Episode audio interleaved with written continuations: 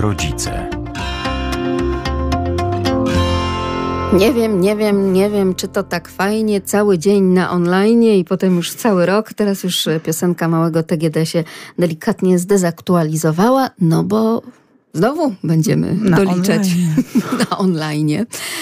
Tak, już nie tylko wybiórczo, że tu jakaś klasa kwarantanna, Mm. tam kolejna, swoją drogą tych klas też coraz, coraz więcej, ale powraca ten czarny horror chyba rodziców. Marta Wyszyńska. Dobry wieczór. Razem z Państwem sprzed mikrofonu kłania się Magdalena Lipiec-Jaremek, a Jarosław Głowit ten program zrealizuje. Wyznania matki wariatki.pl podczytujemy, choć dawno się nie widziałyśmy, nie słyszałyśmy właśnie na żywo, ze względu na te wyśpiewane przez małe TGD online między innymi i kwarantanny. Między innymi, chociaż szczerze mówiąc u nas udało się do tej pory dociągnąć bez online'ów. No to gratulacje, bo ja już dwa razy zasmakowałam i teraz wiem, czuję po prostu w każdym centymetrze swojego ciała, co to znaczy przebywać z dziećmi na online i na nauce Nic zdalnej. fajnego, ani dla dzieci, ani dla rodziców, prawda? Straszne. Nie, to jest straszne. Ale też samo uwięzienie, prawda? No na, właśnie, na no, no, nic nie można zaplanować, nic sobie nie można y, zrobić. Pomimo, że rodzic jest zaszczepiony, no to jaką ma wolność, jeżeli i tak musi z małoletnim, tak. nieletnim przebywać w Zwłaszcza mieszkaniu? w trakcie szkoły, gdzie zaczynała w ogóle pracę z komputerem. Ja pamiętam właśnie nasza Martyna tak samo. Ona, no, u nas dziewczyny nie miały komputerów. My byliśmy tak przeciwnikami takich komputerów, tych wszystkich online'ów i tego wszystkiego. A trzeba było się złamać i no, zacząć od początku e, Tak. nową edukację.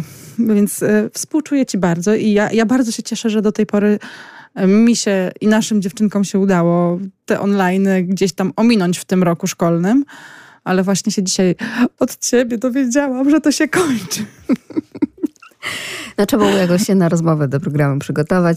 Ja wiem, że tak o dziwo jakoś do wielu rodziców bardzo późno ta sensacyjna w sumie i najważniejsza dla nas informacja dotarła, że od 20 grudnia do 9 stycznia nowego roku będziemy na online. Podejrzewam, że rodzice chyba e, wyłączyli wszelkie źródła informacji e, z danego Ale jak miejsca, nie wiesz, to nie wiadomo, czy cię to zwalnia. Tak? No, e, tak, no ja zawiozłam dziecko do szkoły, a że miało online, no to... Nie, no, e, nie słucham naprawdę, staram się ograniczać. Żeśmy zrezygnowali Tego nawet- nas nauczyła też pandemia. tak, dokładnie tego. Zrezygnowaliśmy, pod koniec września skończył mi się tam umowa y, i abonament zrezygnowaliśmy całkowicie z telewizji, bo po prostu, no, no nie, no, no nie, już za dużo tego naprawdę było. I Ale także tego przesytu i tej papki informacyjnej w stosunku do Dokładnie. dzieci. Tak, też. e, Dzieci między sobą i tak w szkole się wymieniają, e, bo każdy przynosi coś tam od siebie, więc z tego naprawdę i tłumaczenie, co, e, co jest e, prawdą, co fikcją, co ktoś sobie myśli, że może być prawdą, a e, no, po prostu tworzeniem nowej rzeczywistości i zderzaniem się tych różnych mikrorzeczywistości, bo tak naprawdę każdy słucha, się śmieje innym uchem i zupełnie inne informacje wyciąga z tego, co Zwłaszcza, że tak naprawdę te informacje o tym, że gdzieś tam na korytarzu raz gruchnie jedna informacja, raz druga, że ta klasa przechodzi na zdalne, tamta, tutaj trzeba wcześniej ich No. zabierać, bo już mieli kontakt i tak dalej. No Właśnie, no dzisiaj e, e, Zuzia się cieszyła bardzo, bo u nas w e, starszych klasach e, szafki postawili, więc e, e, świeżo są postawione szafki, wybieranie Jest dopiero święto? co jest święto. Jaka jest kwota opłaty za zgubiony kluczyk? A nic nie było informacji. To na pewno jest. To drobnym druczkiem pewnie Nie, nie, nie, to będzie. proszę tam odszukać odpowiednie regulaminy na stronie. Okej. W każdym bądź razie, jak ja dzisiaj powiedziałam, że właśnie będzie zdalne, to Zuzia, nie, od kiedy? Ja już chciałam jutro zanosić wszystkie książki do szafki. A ja, A no, to trzeba będzie odbierać rzeczywiście. e, a ja mówię, no w sumie na tydzień możesz. No. Właśnie przypomniałaś mi, y, rzeczywiście taka organizacja logistyczna rodziców, kto komu ma odebrać, no bo tylko o jednej godzinie, prawda, która często jest godziną rozpoczęcia pracy w No wielu właśnie. zakładach pracy. Tutaj rodzice mogą tylko się spotkać, szybko odebrać od e, pani wychowawczyni wszystkie książki, podręczniki i tak dalej, właśnie potrzebne chociażby do nauki zdalnej. Nie no, to teraz już oczywiście jest możliwość przygotowania się, natomiast mm. wtedy, kiedy te kwarantanny spadały nagle, na przykład w weekend, w ogóle e, ty mówisz o wyłączeniu wszelkich mediów typu telewizja, radio i tak dalej i tutaj nie szprycowania się tymi informacjami, które mm, owszem, poza tym ładunkiem, e, który niosą ważnych informacji, niosą też no, ten ładunek emocjonalny, no i raczej negatywne emocje Dokładnie. nas wszystkich e, wzbudzają. Zwłaszcza w dzieciach, które nie rozumieją tak. wszystkiego jeszcze do końca, a wyłapują właśnie chyba te najgorsze. A my jeszcze nie jesteśmy na takim etapie wiedzy, żeby im te informacje wytłumaczyć. Właśnie. Na przykład. Na przykład. Więc e, to, to też jest trudne. To tak te wszystkie sygnalizatory komunikatorów, czy to klasowych, czy dzienniczka elektronicznego, to jest to. Ja uwielbiam teraz czytać informacje typu plastelina i tak dalej. To, to mogę po prostu nawet o 12 w nocy jechać i szukać tej plasteliny, jeżeli jest potrzebna. Ale kiedy czytam, uwaga, kwarantanna, to no się robi to... gorąco, nogi się tak. same uginają. Oczywiście, że tak. Dlatego ja nie czytam. Ja nie czytam. Moje dzieci albo są wiecznie nieprzygotowane, albo e, uczą się e, korzystać z pomocy rówieśników. Ja nie czytam, a Krzysiek pewnie jak czyta, to czyta dla siebie i potem nie przekazuje tego dalej, więc jak mi dzieci mm, rano przypomną i jest czas, żeby jeszcze do sklepu wskoczyć i coś tam e, chwycić na ostatnią chwilę, no to się uda, ale tak to do tego stopnia, że nawet e, ja się śmieję, że Grzesiek przejął pałeczkę i e, rozmawia z innymi rodzicami po prostu, jak mają się dzieci spotkać nasze gdzieś tam na nocowanki, czy gdzieś na miasto wyjść, jak już Zuzia, ja mówię, ja po prostu nie, ja nie chcę się w nic angażować, bo e, ta otoczka okołodomowa tego wszystkiego, co się u nas teraz y, ostatnio dzieje, no to mnie tak przerasta. Ja, nie, nie, ja się śmieję, że... Ale nie jesteś w tym odosobniona. Rzeczywiście ci, którzy teraz nie są rodzicami małych dzieci uczęszczających do szkoły podstawowej, ja nie mówię rzeczywiście o tych starszych, na których już tam nawet Same możemy mogą... machnąć. Mm. No, jeżeli ty nie dopilnujesz, to to, to będzie już... twoja wina. Tak? Właśnie. Natomiast tutaj plus organizowanie opieki zastępczej, E, no to jest coś strasznego i między innymi doskonale rozumiemy też naszą koleżankę sprzed mikrofonów, Paulinę Zagojską-Ziębę, która to zaznacza, że przy tym rytmie, wtedy kiedy jest czworo dzieci w rodzinie na pokładzie i te kwarantanny zazębiają się z jedna, jedna się kończy, a następna się zaczyna, czyli tak naprawdę rodzice są uziemieni dosłownie non-stop.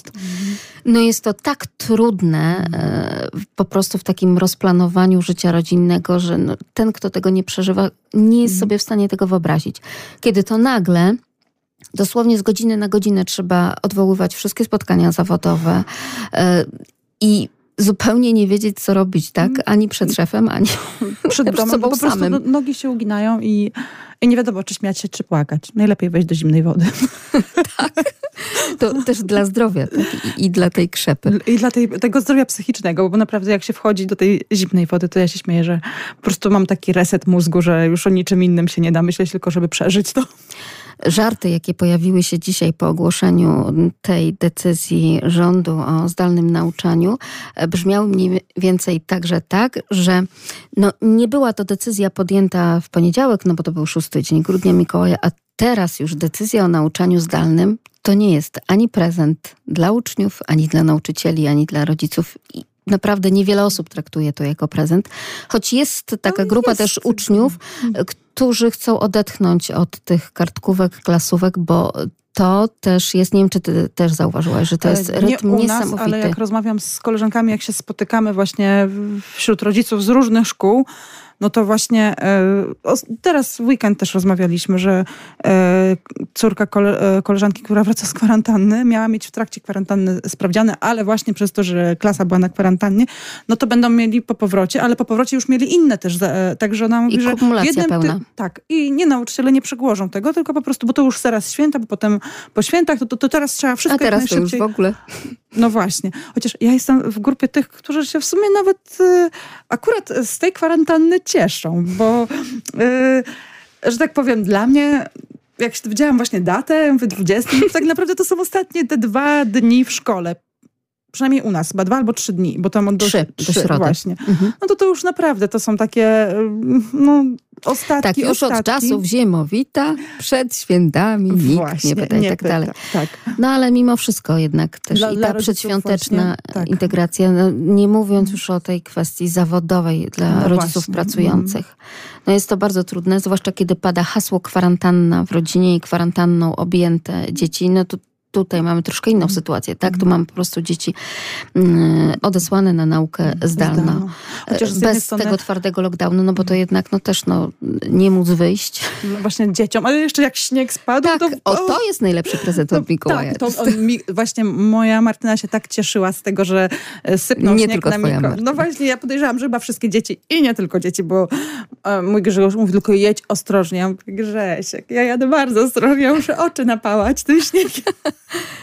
Także ja się bardzo cieszyłam.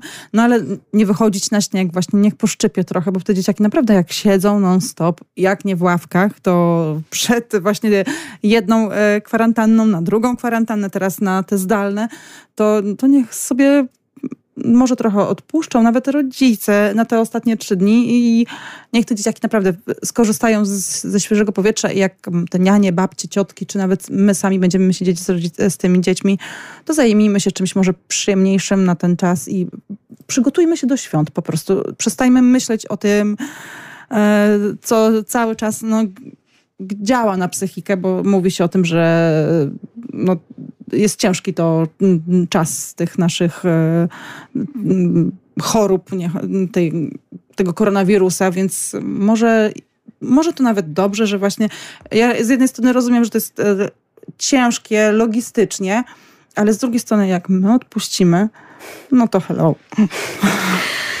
Otóż to, otóż to jednak rzeczywiście to zdrowie i życie jest najważniejsze, także zdrowie i życie dzieci. Y, U ciebie w domu już jesteście o krok do przodu, bo pytania pod tytułem Mamo, a czy wy będziecie nas szczepić? To już za wami chyba, tak? Tak, e, nasza Zuzia jest już szczepiona, e, zaszczepiona podwójną dawką i no, my dużo podróżujemy i wyszliśmy z założenia, że e, mamy też one swoje ulubione jakieś zajęcia pozalekcyjne, które bardzo lubią i które wiążą się właśnie, z, zwłaszcza Zuzia, z wychodzeniem na zewnątrz, bo Martyna mogłaby sobie zdalnie e, z panią porozmawiać, wziąć wykrój i w domu szyć sama, na, powiedzmy, e, to, to, co tam chciałaby, bo ma maszynę, ale Zuzia ma konie, gdzie wychodzi i, no, nie, i Zuzi nie wyobrażam sobie zamkniętej już e, w domu. No, jest, jazda konna zdalnie to tak. no właśnie.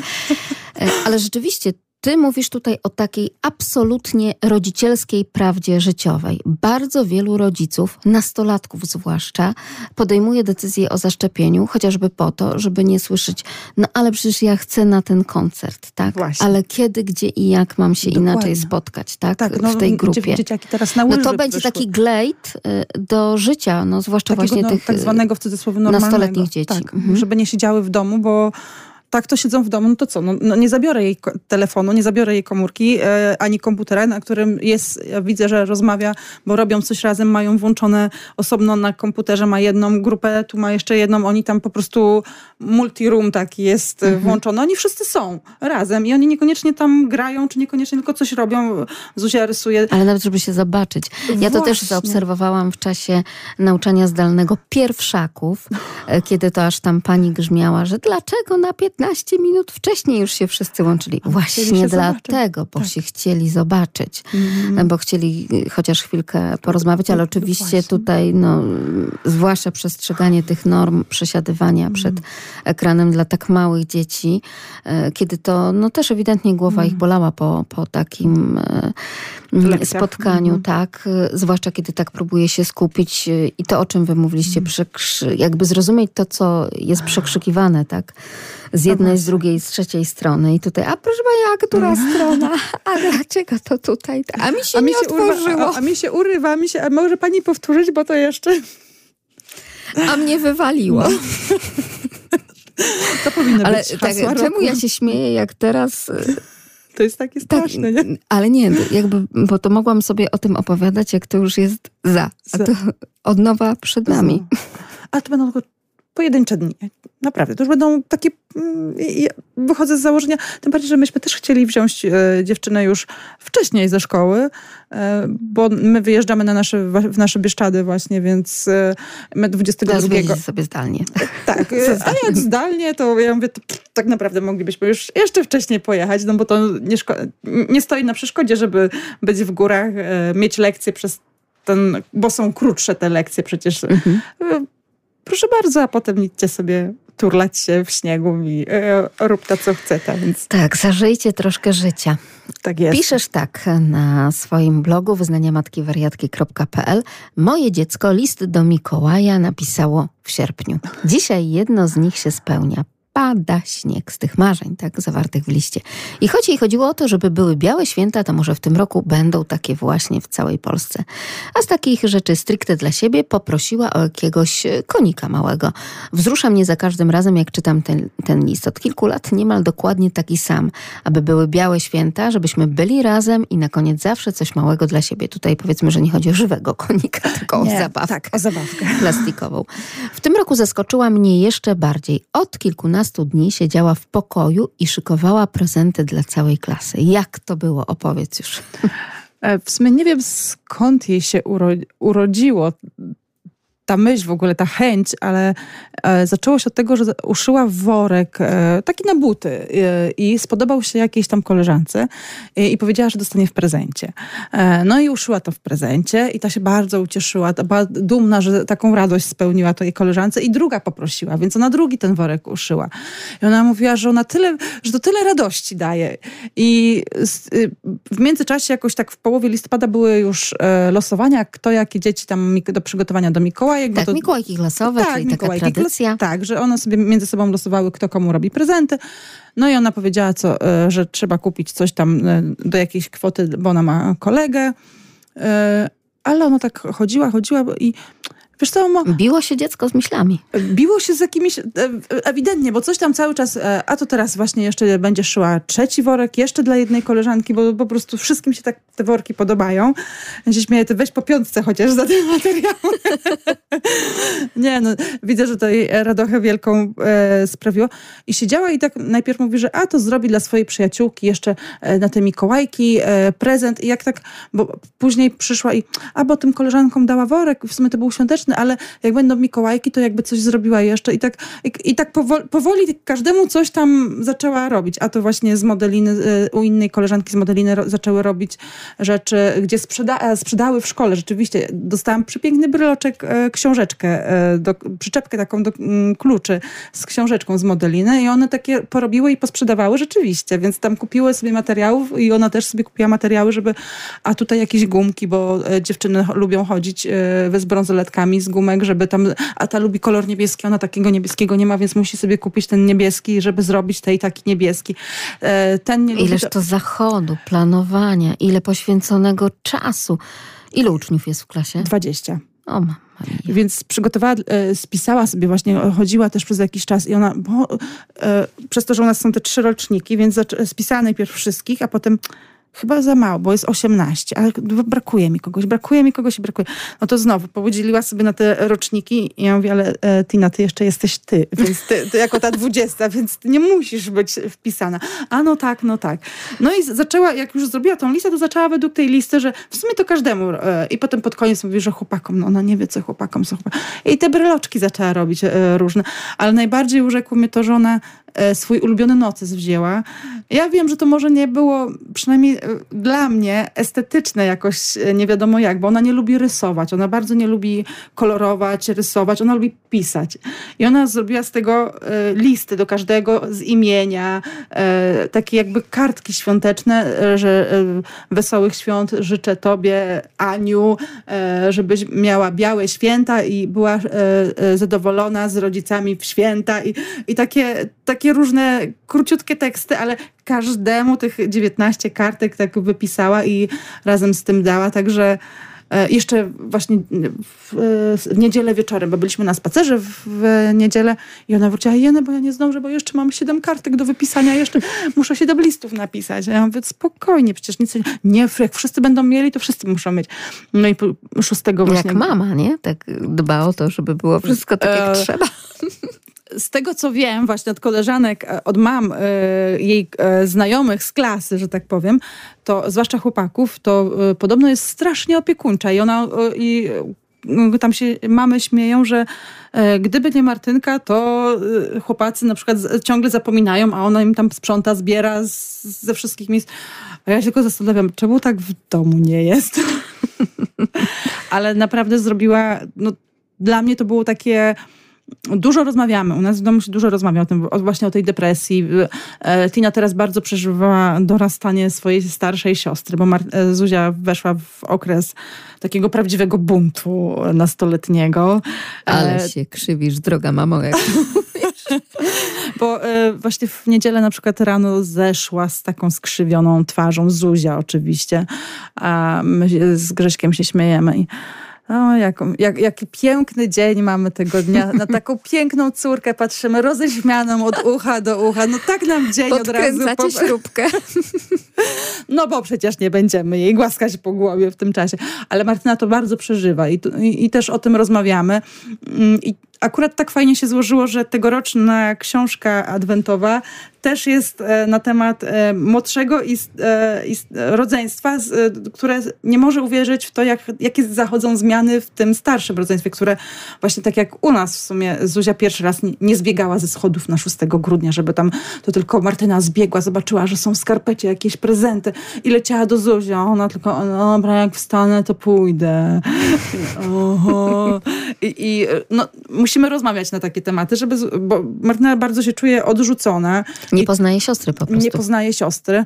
Mówimy jej, że no, jeszcze dwa, trzy lata i będziesz taka sama. Więc zobacz, jak my będziemy się czuć później, nie? jak będą takie dwie zołzy schodzić na dół.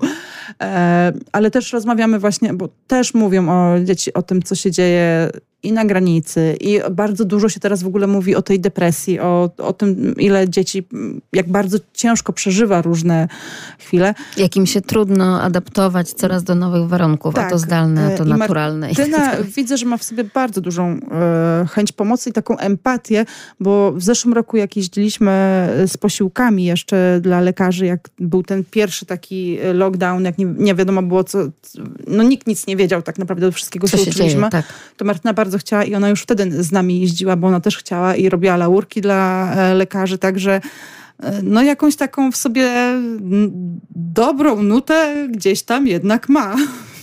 Dla tej niebieskiej, bo lubi ten kolor, a dlatego to, bo to jest szalony chłopak i my go lubimy, ale panie go nie lubią i tak dalej i tym podobne. Do każdego, dla każdego z osobna także ten list z życzeniami i koniecznie musiała być przerwa, e, przebrana za elfa, tak? A tak, tak. Ja, ile ja się nabiegałam, bo ubzdurała sobie, że nie będzie świętym Mikołajem, tylko nam chce być przebrana za elfa. E, I koniecznie wymyśliła sobie właśnie e, rajstopy w biało-czerwone albo biało-zielone paski. Ile ja się nabiegałam po tych sklepach, żeby dziecięcy znaleźć, nie znalazłam. Przypomniałam sobie, że ja mam e, długie takie swoje podkolanówki w biało-czerwone paski, więc ubrała rajstopy białe i na to ubrałam moje skarpetki, więc było przynajmniej ciepło, jak szła w sukience i w kapeluszu elfa i w worku pełnym prezentów. Mogę się wkuszać, piszesz, za bajzel w pokoju, za porozrzucane rzeczy po całej garderobie, za śmietnik na podłodze, ale wiem, że mimo wszystko gdzieś tam w środku ten chochlik ma na serio bardzo dobre serduszko. Ale jaka jest sumienna i pracowita. Pomyśl, jakie to są też wartości. Rozpoczęła projekt, chce go dokończyć, prawda? W sumie tak. No. I zrobić to tak, żeby każdy jednak no, był zadowolony i nie poczuł się w jakiś sposób pominięty, nawet tym, że tej kartki na przykład tak tu ma, no tu właśnie. nie ma. No, w sumie nie pomyślałam o tym, ale e, rzeczywiście sama sobie gdzieś tam chodziła, e, uroiła sobie plan i, i doprowadziła go do końca, więc i mamę zmęczyła, e, szukając odpowiedniego stroju, ale e, cisnęła, cisnęła. Ale nie tym, że to ty musiałaś szyć te worki, czy lepić te bransoletki. Nie, nie, w ogóle ja, ja ich e, tak naprawdę wszystkich nawet nie widziałam, bo ona co robiła, to pakowała, bo ona nawet pakowała e, drobne jakieś tam papierki, właśnie musiałam znaleźć jej jakiś papier pakowny i ona w ogóle też wycinała, e, no, że tak powiem, pokój po tych e, e, prezentach. Po tej fabryce prezentów. Po tej fabryce prezentów. Do dzisiaj jeszcze nie jest Ale odgruzowany. raptem wczoraj było to. Um, niby tak, ale to trwało już jakiś czas. Ja jej powiedziałam, że do świąt chciałabym e, chociaż raz jeszcze odkurzyć tam i umyć tą podłogę, bo na razie to tylko walają się kleje, nożyczki, papiery i ogólnie wszystko, a przy okazji gdzieś tam właśnie ciuchy. Ale i... twórcza i dobre serce ma. Zostało to docenione. Tak jestem ciekawa, jak do tego mm, podeszli na przykład inni rodzice. O, tam pewnie jej rodzice coś szepnęli, tak? Że to jest takie wiem. samo z siebie, prawda? Że dziecko... Szczerze mówiąc, nawet nie wiem, bo. Yy, Jeszcze nie rodziców- jakie są reakcje. Nie wiem, jakie są reakcje, ale dostała uwagę. E, Pozytywną uwagę, bo e, w dzienniczku właśnie, bo ja też jak e, Grzesiek dzisiaj do mnie mówi, że dostała. Dzisiaj jest wtorek? Tak, dzisiaj jest wtorek, Boże, jakbyśmy tak te dni, e, że dostała uwagę. Ja mówię, Jezu, znowu za co? Ona, ale pozytywną. Pani e, właśnie wychowawczyni bardzo chwaliła, bo dzieci nawet same do niej podchodziły, że e, były wdzięczne. Tam jedna się nie mogła doczekać nawet podobno, bo później Grzesiek oddzwonił i rozmawiał z wychowawczynią, że i mówiła, że to było bardzo miłe i takie widać było, że dzieciom Że to takie też samoistne, prawda? tak, że to właśnie serca. takie było. Bo ja mówię, no, mo, każdy mógłby się przyczepić. No ja mm, wolałam nie patrzeć nawet na to, ale to, że ona to chciała i to robiła sama przez te paręnaście dni, rzeźbiła, kleiła, wymyślała. E, kilka razy właśnie jak ja tam podchodziłam, czy coś e, chciałam podpytać, to ona mi opowiadała na przykład o tych dzieciach i widzę, że ona naprawdę te dzieciaki zna, bo właśnie e, a ona się trzyma bardziej z chłopakami i ona nie chce takiego nic dziewczyńskiego, to coś muszę zrobić i, i, i tak e, przynajmniej się dowiedziałam o niektórych dzieciach, których nawet nie wiedziałam, że są w klasie na przykład. Ale jak świetnie charakteryzuje, tak? Ale też e, jakby to jest cała kwintesencja e, prezentu. Musisz kogoś poznać, żeby, Żeby- wiedzieć, co mu dać. Tak, żeby chociaż nawet ten najmniejszy drobiazg, który samemu się zrobi, żeby był pod kogoś, Tak. a nie od siebie, że to mi kolorem, się podoba, tylko tak. tak, tak. Nie dlatego, że mi się to podoba, tylko dlatego, żeby tej osobie się spodobało. Tak, No to gratulacje, droga mamo, A to nie dla mnie, to dla niej. że, że takie dziecko. Co więcej tak naprawdę słychać e, w tym życiu pandemicznym ciągle jeszcze? ciągle jeszcze. Myśmy na początek weszliśmy w ten rok, bo chyba żeśmy od początku roku się tak dosyć nie widziały, chyba we wrześniu. To w miarę dobrze, tak z nadzieją i A jak było z tym powrotem do systemu montessoriańskiego? Bo mówiliśmy o tym, że nauczanie zdalne kompletnie zachwiało I tymi na metodami. właśnie w tym roku. M- może mamy mgłę covidową wszyscy w naszej szkole i nie widać tego koronawirusa, ale no, jakoś tak bardzo pojedyncze jakieś przypadki były takie, że gdzieś ktoś, e, jakaś klasa na tej kwarantannie była. E, No bo rzeczywiście no, dzieciaki zdecydowanie no, wolały siedzieć e, w szkole i to jest zupełnie, coś innego. No ja nie otwieram w ogóle dziennika, ja nie otwieram w ogóle e, żadnych informacji. Jak mają jakieś problemy, one przychodzą i proszą, żeby pomóc i e, a tak to ja siedziałam i cały czas mamo, zwłaszcza Zuzia właśnie, jak by- była na zdalnym, to mamo, a gdzie znajdę to? Mamo, a pomożesz mi? Mamo i mamo. Jak słyszałam mamo, to po prostu już gotowałam się i miałam ochotę naprawdę rozwalić komputer i wszystko i, dziecko też gdzieś tam, bo przecież w szkole musi sobie radzić i e, jakoś tam odnajdywać, a tutaj ma tak naprawdę tylko komputer i książkę i nic poza tym, więc e, Nie ma jednak tego przewodnika, tak? Tego nie ma mistrza, przewodnika, tak nie ma, mówiąc. nie ma tych koleżanek, kolegów e, ze starszej klasy, z młodszych, którzy jedni przypomną coś tam, inni inaczej wytłumaczą niż nauczyciel wytłumaczył, podpowiedzą. E, My jako rodzice nie mamy tyle cierpliwości do własnych dzieci. Ja się śmieję, że łatwiej jest e, coś komuś tam obcemu wytłumaczyć niż własnemu Oczywiście. dziecku. Jak raz wytłumaczyłam, drugi raz nie wytłumaczam. Mi najbardziej się Grzesiek podobał, jak matematykę. On tylko do mnie dzwonił i pikawki by tylko same były.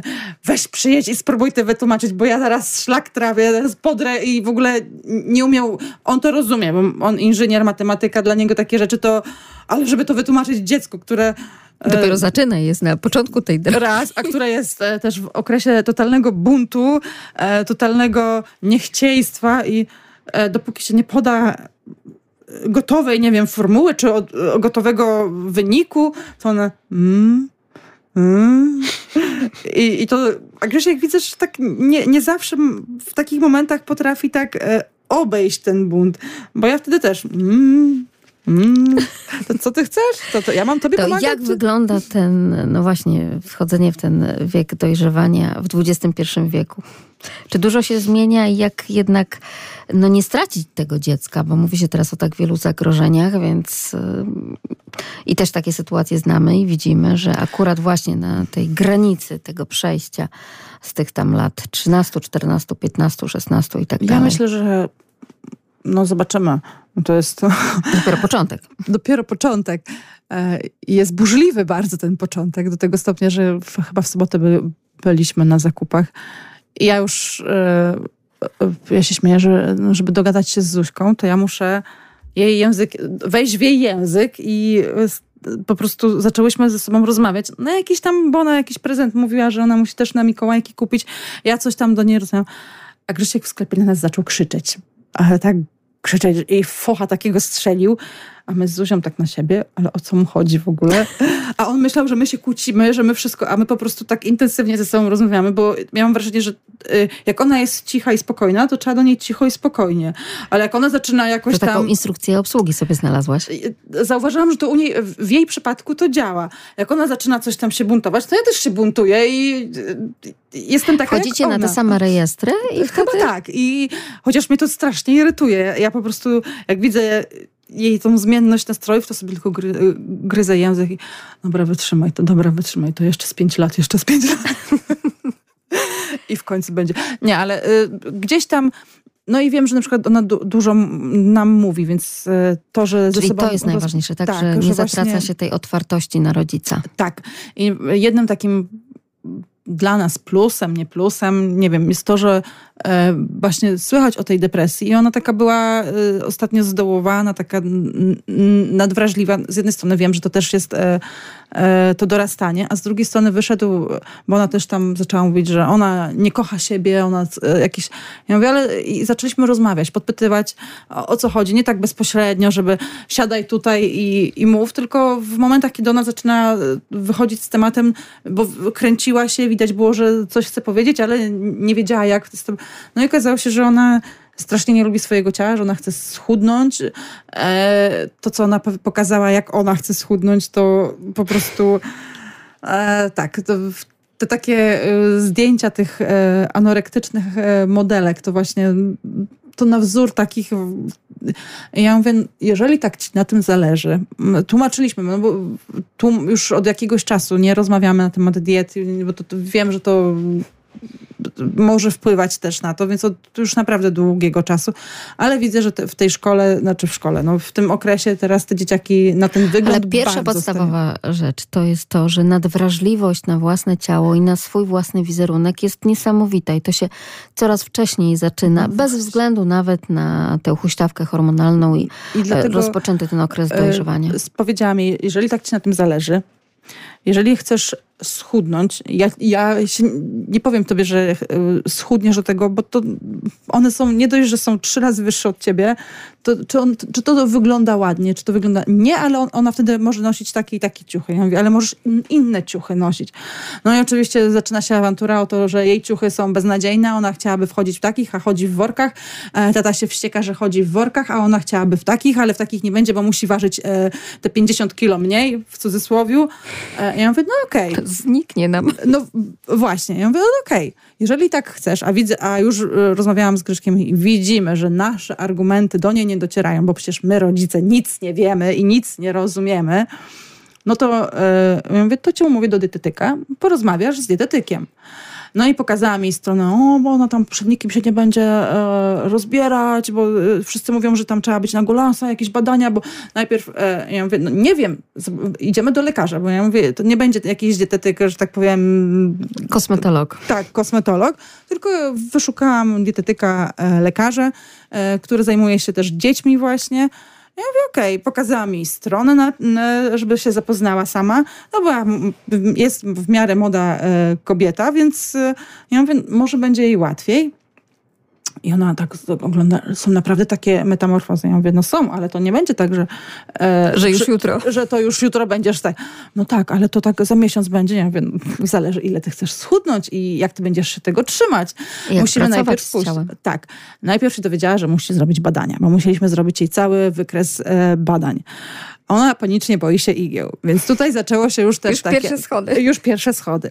No ale jak e, już mówię, no umawiać czy nie umawiać? No to w końcu stwierdziła, dobra, umawiać. Tylko, a czy ona jakieś znieczulenie dostanie, żeby tę tą krew pobrać? Ja mówię, hello, znieczulenie to będziesz miała igłę w igłę, więc ale czy to będzie bolało jak szczepionka? Ja mówię, nie, nawet będzie mniej bolało jak szczepionka.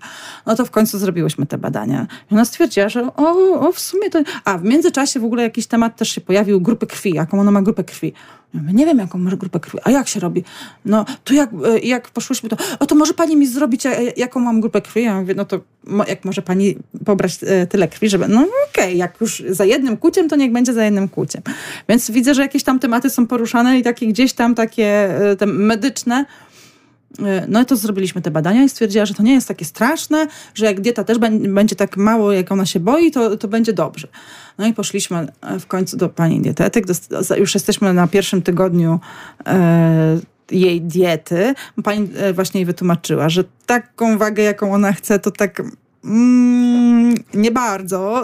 Tym bardziej, że właśnie była zmierzona, e, był stan y, zbadany jej mięśni, jej tłuszczu, jej grubości kości, więc to wszystko ma znaczenie i, i tak trochę to ją też tak, mm, bo ta grubość kości i okazało się, że całkiem ma sporo też tych mięśni, więc to też tak, e, ja mówię, no albo tłuszcz, albo mięśnie będziesz musiała palić, żeby albo sobie trochę poobierać tych kości, żeby tak naprawdę. No ale ta pani widzę, że takiej do niej tak doszła. Bo więcej często jest chyba w takiej rozmowie psychologii. Chyba tak. Aczkolwiek zaczęły się pierwsze problemy, bo wróciłyśmy do domu, musiałyśmy czekać kilka dni na e, dietę, bo ona musiała przez trzy dni spisywać, e, co je, żeby wysłać. I to nie ja jej, ja miałam spisać, tylko ona właśnie miała spisywać godziny, e, co tam zjadła, więc to też tak e, już musiała się jakoś tam nastawić. I nagle jej taka lampka zaświeciła. A co z kalendarzem adwentowym? Tam są czekoladki. Ja nie będę mogła jeść czekoladki. A ja mówię, no nie wiem, zobaczymy, co pani doktor nam to powie, czy będziesz, czy, czy nie będziesz. No i pani doktor powiedziała, że tak, mm, no nie bardzo, że tam jedną na kilka dni i to w określonym czasie, no to jak masz trening właśnie, to pod, e, przed tym treningiem albo jakoś w okolicach tam wyznaczyła jej, a to nie cały czas. No, no właśnie chodzi o to, że no nie bardzo, e, że słodycze i słodkie to jest jedna z rzeczy, które się na dzień dobry eliminuje całkowicie, żeby zacząć spalać, bo to najbardziej, no i zaczęła jej tłumaczyć, no, wyrzuciła e, wszystkie czekoladki do jednego słoika sobie z tego kalendarza. Na razie się trzyma, a e, jak byliśmy na spacerze mm, w niedzielę ze znajomymi, poszliśmy do kawiarni i ona tam miała swoje te pudełeczka przygotowane, a tam e, niektóre dzieciaki pozamawiały ciastka i ona tak przychodziła, ja muszę jeść ten okropny, ciemny chleb, on jak stara bułka smaguje, oni jedzą tam jakieś... Ja mówię, no Zuzia, to jest twój wybór to ty chcesz albo nie chcesz. To ja mówię, ale czy mogę jakieś e, coś słodkiego na koniec? Ja mówię, coś słodkiego teraz możesz, bo jeżeli nic nie jadłaś przez te kilka dni, to, to ja to już zjem. Ale widzę, że się trzyma i ma o tyle fajnie też, że e, pani doktor jej codziennie dała e, dietę dla niej też, żeby ona zaznaczała, co jej smakowało, co jej nie smakuje, co, co wolałaby w innej formie, albo także ma z nią też kontakt na Messengerze, jak, jakby coś miała jakieś pytania albo coś chce zmieniać, to e, zaangażowają też bardziej w kuchnię, więc ona też musi widzieć e, i robić też sobie te posiłki. To nie jest tak, że ja no, na tygodniu i tak ja to robię, bo to mm, no bo naj, najwygodniej, najszybciej, bo już jakbym miała robić trzy gardki do, dodatkowo, to już robię... I o to cię chciałam zapytać, bo bardzo wielu dietetyków tych dziecięcych, ale z pewnością tutaj chodzi też i o dzieci młodsze, zaleca, żeby cała rodzina przeszła tak, na dietę, i tak prawda? jest u nas też. Prawda? No tutaj rzeczywiście no, ona też już jest na tyle jakby duża, że... że... My ogólnie, mm, jest kilka takich potraw, które już teraz y, się śmiejemy, że wpisały się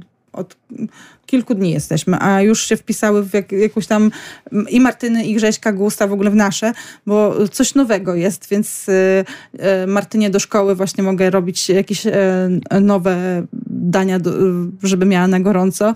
E, I ja mówię, no my robimy, tylko Martyna je dużo więcej. Ona jest strasznie dużo. Ona chyba najwięcej jest nas wszystkich, a przez nią, jak przez moich braci, po prostu przelatuje jedzenie. On, moi bracia mają po 1,90 m, a są chudsi ode mnie. E, I patrzę na Martynę, jak ona wciąga, tylko że Martyna też od samego początku, od, od praktycznie odkąd no właśnie, zaczęła... w ogóle dieta w waszej rodzinie i tym bardziej dla starszej nie powinna być obca, bo Martynka tak, ty... jest dzieckiem na diecie. E, u Zuzi pani znalazła jej dwie główne wady, o które walczyliśmy od dłuższego czasu, odkąd praktycznie poszła do przedszkola. Bo tak jakby chodziła do przedszkola, nie chodziła do przedszkola, to było wszystko w porządku. Jak zaczęła chodzić do przedszkola, to się tego nie tego nie zjem, to y, zaczęły się słodycze, nie słodycze, chipsy, nie chipsy, a Zuzia ma tendencję do e, jedzenia słodkiego. I obojętnie jakie bym nie robiła, bo u nas właśnie wszystko robię tak samo, jednej i drugiej. E, Martyna jest bardziej warzywno-mięsożerna, a Zuzia jak może to wolała słod y, słodkie owoce, e, no i jakieś tam ryże z kurczakiem, więc to nie były jakieś e, rzeczy takie mm, niezdrowe. Jasne, że i no, jakieś mm, fast foody się znalazły i czasami poszło się do restauracji, ale to nie, nie było coś takiego, że było nagminne i codzienne. No ale Zuśka właśnie, ona wiecznie, e, głównym jej problemem było to, że jadła nieregularnie do tej pory, i nie lubi pić wody. Ona w ogóle nie lubi pić. I wstrzymuje bardzo, bo ona nie chce w szkole właśnie się załatwiać, ona się wstydzi e, i przez to ona stwierdziła, że ona nie będzie za dużo jadła w szkole, za dużo piła w szkole, żeby ona nie musiała korzystać z toalety. No i pani jej powiedziała, że nie może tak być, bo jeżeli chce schudnąć, to ma więcej pić. Zwłaszcza właśnie tej czystej wody, ewentualnie jakichś tam owocowych herbatek niesłodzonych albo zielonej, albo, ale ogólnie ma, ma zacząć pić, więc kupiliśmy jej teraz nową butelkę e, i no, walczy ze sobą, chociaż to picie Czyli widzę, że tak- wszelkiego tak... rodzaju środki zachęty są stosowane, e, ale też Zobacz, to o czym opowiadasz pokazuje, no, z jak wieloma jednak problemami na każdym kroku po prostu. Z dzieckiem w każdym wieku się e, spotykamy. Tak? Małe... Dopiero co odstawiłyśmy te wszystkie buteleczki, przecierki, soczki tak. i też zastanawianie się, a kiedy dopajać, a przy karmieniu piersią to już można to, no dopajać, no czy jednak ta woda, e, która jest w mleku, taki mleko w wodzie. I czy to, ja sobie wezmę łyczka właśnie. czy to wystarczy, czy nie. Ale też no, pokazuje, jak no, też z różnych względów coraz trudniej tak dzieciom na różne rzeczy. One są cały patrzeć. czas w internecie. Teraz e, mam wrażenie, że przez tą pandemię tego internetu jest dużo więcej i z jednej strony one się zmieniły, no bo mówi się o, o psychicznie, właśnie cały czas o tych depresjach, o tych psychicznych problemach dzieci, ale też fizycznie jest gigantyczny przecież wysyp e, dzieci z nadwagą.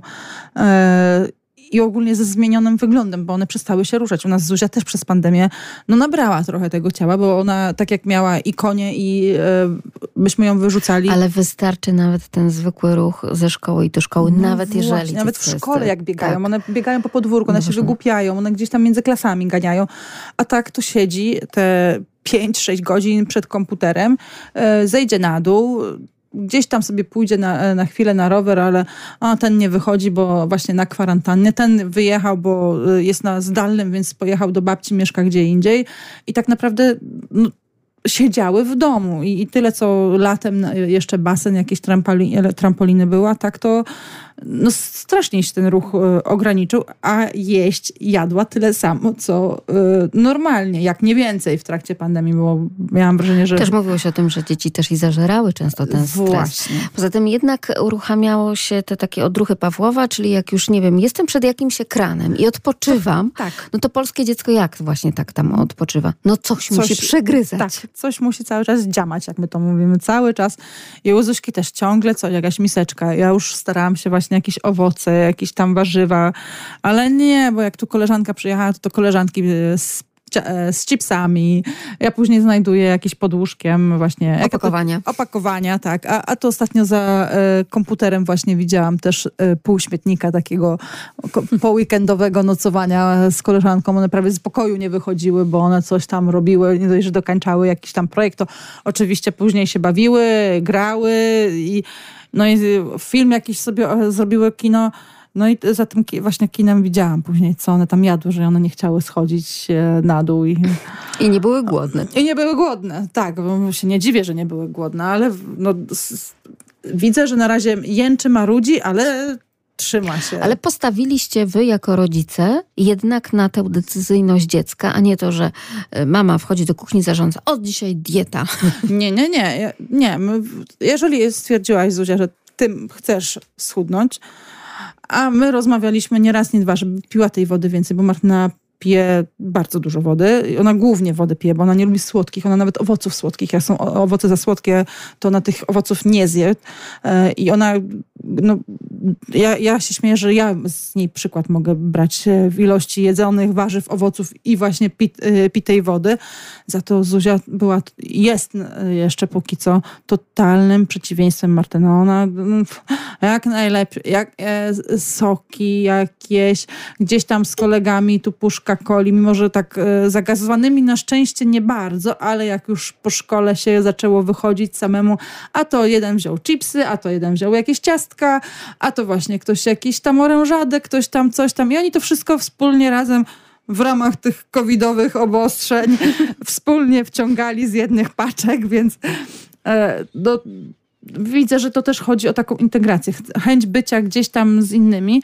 No i teraz, e, ale z drugiej strony widzę, że ma w sobie tą chęć rzeczywiście gdzieś zawalczenia o siebie, bo y, jak były Mikołajki, to ona mówiła, że wszyscy przynieśli jakieś słodycze, mieli, ale nic nie wzięłam. Mamo, żadnego, czy ja jutro będę mogła wziąć jedną czekoladkę z tego? Ja mówię, dobra, będziesz jutro mogła wziąć, bo masz konie, to będziesz mogła wziąć sobie jedną czekoladkę e, z kalendarza adwentowego, z tego słoika. Także gdzieś tam me, nie dość, że to, to się u niej skumulowało, bo jest i czas dorastania i, i tej nastoletniej tego buntu, to jeszcze przy diecie, gdzie te nawyki musi swoje odwracać, gdzieś walczyć sama ze sobą, czy ona, czy ona chce, czy nie chce, to ten bunt, jak mam wrażenie, że dwa razy bardziej się na, na nas odbija. tak, ale jak jeszcze zrobić, żeby dziecko nie uległo takiej łatwej pokusie, właśnie chociażby przez te wszystkie informacje w internecie zawarte, że przecież jest cudowny środek, po prostu jeden, dwa, trzy i w, i w taką tę magię, czyli tu wy postawiliście też na profesjonalistę, tak? Że to ktoś, kto, y, nie wiem, zna naukę pod tym kątem, no właśnie. sam to wszystko wypracował, y, wie, że... Podejście do dzieci też ma jakieś, bo mhm. E, ja, ja szukałam właśnie kogoś, mamy kilku znajomych dobrych dietetyków, no ale e, nie widziałam nigdy, żeby pracowali z dziećmi, a jednak chodzi o to, żeby do dziecka, zwłaszcza w dobie y, buntu nastoletniego, jakoś podejść.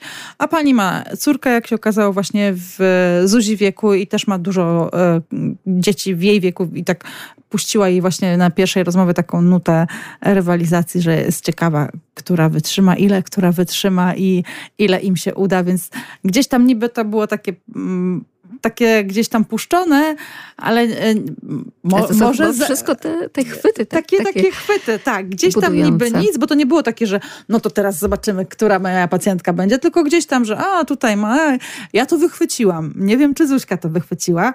Myślę, że e, tak, zwłaszcza, że pewnie dziecko gdzieś tam wieczorem wszystko to sobie analizowało jeszcze no raz. No I takie rzeczy też tam I, e, tak, wracają. Tak, no i my no rozmawiamy. Ona wie, jak to było, jak ja trenowałam i ile, e, ile ja jadłam, ale ile też trenowałam e, pani jej da, kazała robić odpowiednią ilość kroków, żeby chociaż właśnie wychodziła to, że e, nie miałaś tego ruchu, nie, nie chce ci się teraz robić to, tamto. I Trzeba o... przyzwyczaić na nowo ciało do ruchu. Tak? Właśnie. Do, do ruchu regularnie jeść i dużo wody pić dla niej. To, to są najważniejsze, chociaż dwie, Myślę, dwie z tych czynności to dużego grona także naszych radiosłuchaczy, więc to też nam się jak najbardziej tutaj wszystkim przyda. Ja tylko przypomnę Państwu rodzice małpka.radio.lublin.pl to kontakt jak zawsze z naszą redakcją i nawet jeżeli zafundują sobie Państwo taką tam herbatkę z cytryną, którą może imbirem. jeszcze kilka, tak, i imbirem rozgrzewającym, to tak, to nawet jeśli no to z tym miodem, a tak nie za dużo cukru.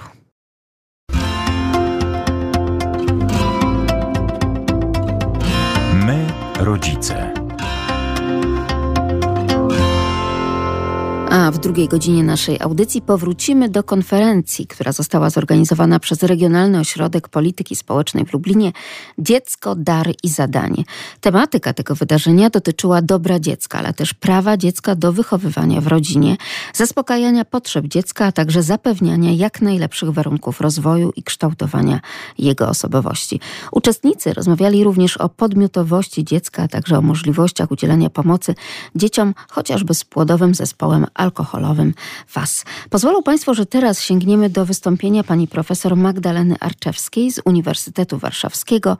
Rodzina, a nie dom dziecka. Ja przedstawię troszeczkę inną perspektywę. Moja perspektywa będzie bardziej interdyscyplinarna. Postaram odnieść się do, będę się odnosiła w takiej perspektywie interdyscyplinarnej, socjologicznej, prawniczej. Ja tematyką pieczy zastępczej i wsparcia, wsparcia dla dziecka i rodziny zajmuję się od ponad 20 lat. Badam, badam te zjawiska. I w toku tego mojego wystąpienia chciałabym odnieść się do wyników badań dwóch, e, takich, które uważam za istotne, bardzo istotne. Jedne z tych badań to były badania, które przeprowadziłam w 2017 roku. To były badania dotyczące tego, w jaki sposób przedstawiciele różnych zawodów pomocowych definiują pojęcie dobra dziecka. To były badania, które prowadziłam przez kilka lat, one były podstawą mojej habilitacji. Ja tam sobie zadałam dwa pytania, jak przedstawiciele różnych zawodów pomocowych definiują pojęcie dobra dziecka i jak układa się współpraca pomiędzy tymi różnymi e, zawodami, pomiędzy tymi grupami ekspertów w zakresie wsparcia dla dziecka i rodziny.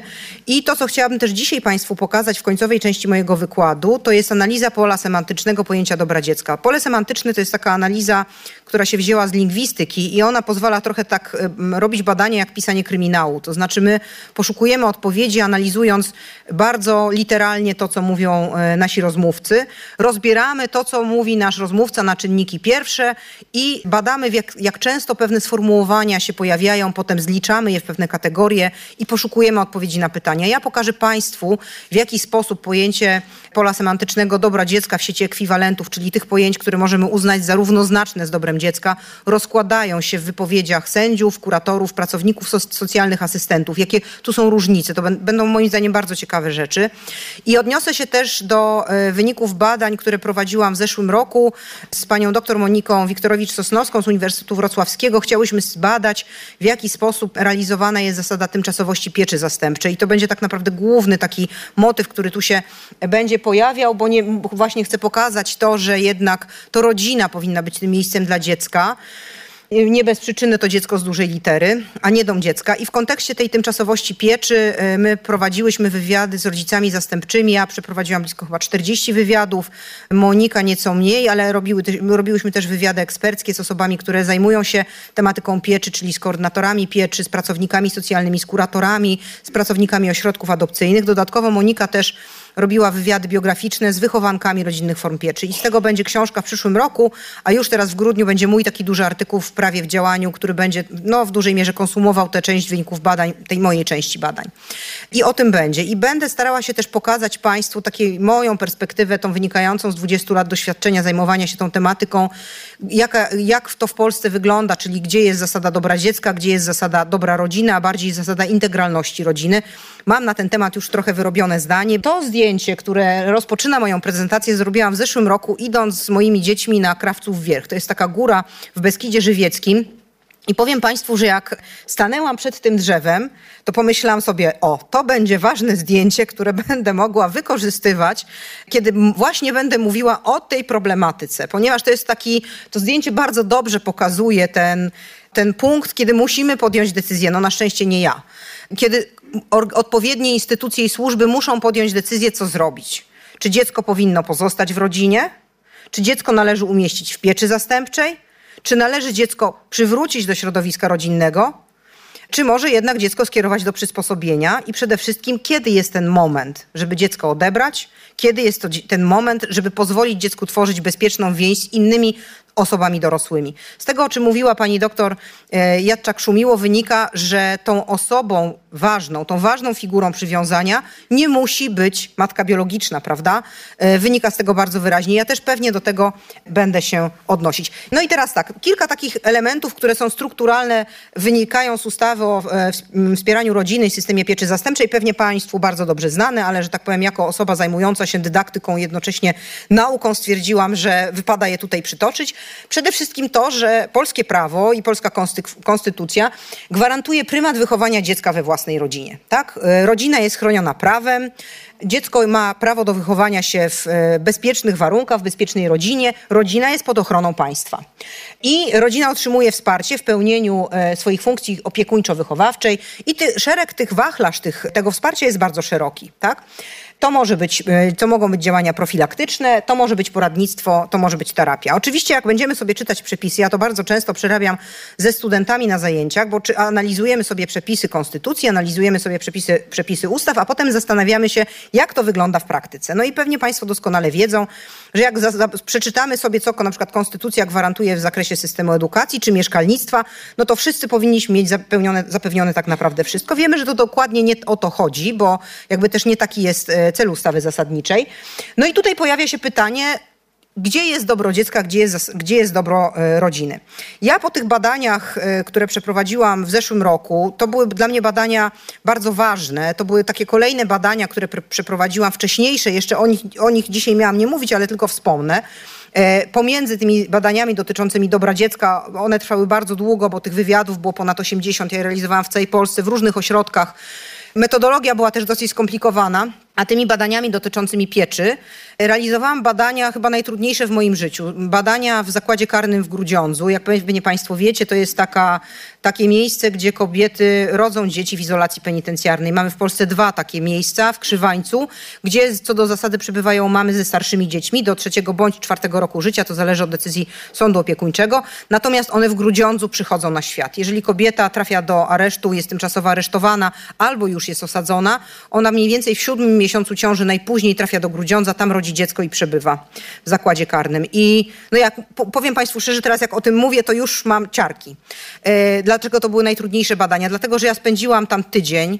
E, zgodziły się na te wywiady wszystkie osadzone. To były badania bardzo trudne i dla mnie, i dla tych pań. One wszystkie płakały. Oczywiście w dużej mierze zdawałam sobie sprawę, że jest tam jakiś element manipulacyjny, bo próbowały kreować pewnie taką historię, którą chciały mi pokazać, ale ja też miałam dostęp, o czym one nie wiedziały, do ich teczek osobowo-poznawczych, więc ja po każdym wywiadzie analizowałam dokumentację i wiedziałam bardzo dokładnie, jaka była przyczyna umieszczenia w zakładzie karnym i co działo się wcześniej z tą osadzoną.